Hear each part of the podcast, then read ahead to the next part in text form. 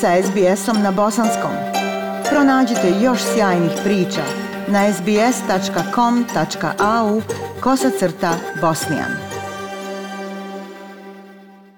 Govorimo o novim metodama koje prevaranti koriste za krađu od Australaca i šta se može učiniti da se to zaustavi – Australska komisija za konkurenciju i zaštitu potrošača upozorava ljude da budu svjesni prevara koje postaju sve razrađenije kada je u pitanju manipulacija potencijalnim žrtvama. Gledajući podatke, i dalje su najčešće ciljana grupa ljudi od 65 i više godina ali postoje dokazi o povećanoj podložnosti među više Australaca, uključujući i one koji imaju različito kulturološko i jezičko porijeklo. Investitor Matt Cole prisjeća se trenutka kada je shvatio da je prevaren za 100.000 dolara.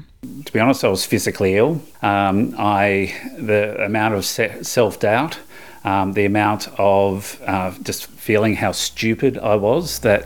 da budem iskren, fizički sam se razbolio. Količina sumnje u sebe, količina osjećaja, koliko sam ispao glup da bih mogao postati žrtva nečeg poput ovoga.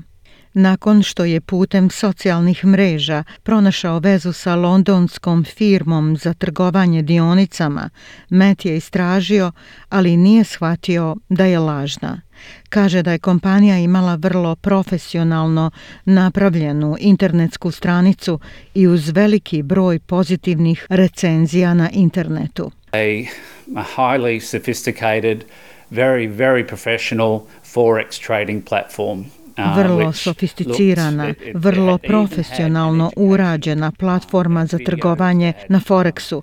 Čak je imala obrazovne videozapise, dokumentaciju koja objašnjava kako funkcioniše Forex trgovanje. Sve je izgledalo potpuno legitimno, a ubrzo nakon prijave na internet stranici prevaranti su ga kontaktirali. Then would have a, uh, an account manager phoning me up and that account manager Oni su um, tada savjetovali da će me nazvati menadžer koji je bio uh, zadužen za moj račun, a taj menadžer me je nazvao nakon dva sata i tada je započela veza koja je trajala četiri mjeseca. Zamjenica predsjednika Komisije za zaštitu potrošača Australije kaže da su prevaranti sve više sofisticirani u manipulaciji potencijalnim žrtvama. Delia Ricard kaže da je nivo sofisticiranosti toliko visok i da je prevara toliko razrađena da bi malo ko ostao imun i razumio o čemu se zapravo radi. Dopuštaju vam na početku da povučete novac na svoj račun samo da bi izazvali to povjerenje, tako da je to zaista teška situacija za ljude. Teško je vidjeti da je u pitanju prevara. Služba za praćenje prevare saopštila je da je ove godine došlo do značajnog porasta pritužbi na stranici ACCC Scamwatch. Žrtve su prijavile gubitak od 236 miliona dolara, što je povećanje od 87% u odnosu na prošlu godinu. Najčešći tip investicione prevare odgovorne su za krađu 121 milion dolara. Gospođa Rikard kaže da su potrošači kojima engleski nije prvi jezik izuzetno ranjivi, pri čemu je gotovo 13 miliona dolara izgubljeno direktno zbog krađe identiteta i prevara sa ulaganjima if you've got relatives, friends who, who don't have English as a first language and, and not good with it. Ako imate rođake ili prijatelje kojima engleski nije maternji jezik i nisu dobri sa engleskim jezikom, razgovarajte s njima na njihovom jeziku o prevarama. Pomozite im da dobiju ovu poruku. Gospođa Ricardo hrabruje više ljudi da prevladaju strahove i prijave svoja iskustva stranici Scamwatch. We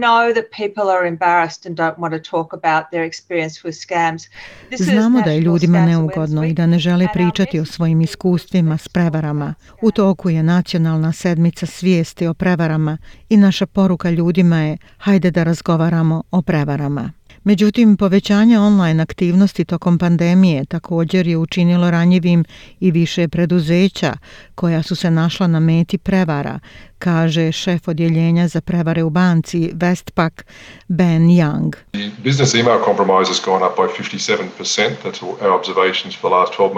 Poslovne adrese elektroničke pošte su ugrožene više za 57%. To su naše zapažanja u posljednjih 12 mjeseci.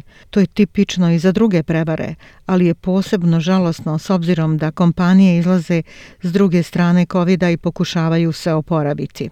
Često se prevaranti lažno predstavljaju kao dobavljači putem e-maila kako bi prikupili plaćanja koristeći se novim metodama i uhvatili što više preduzeća i potrošača.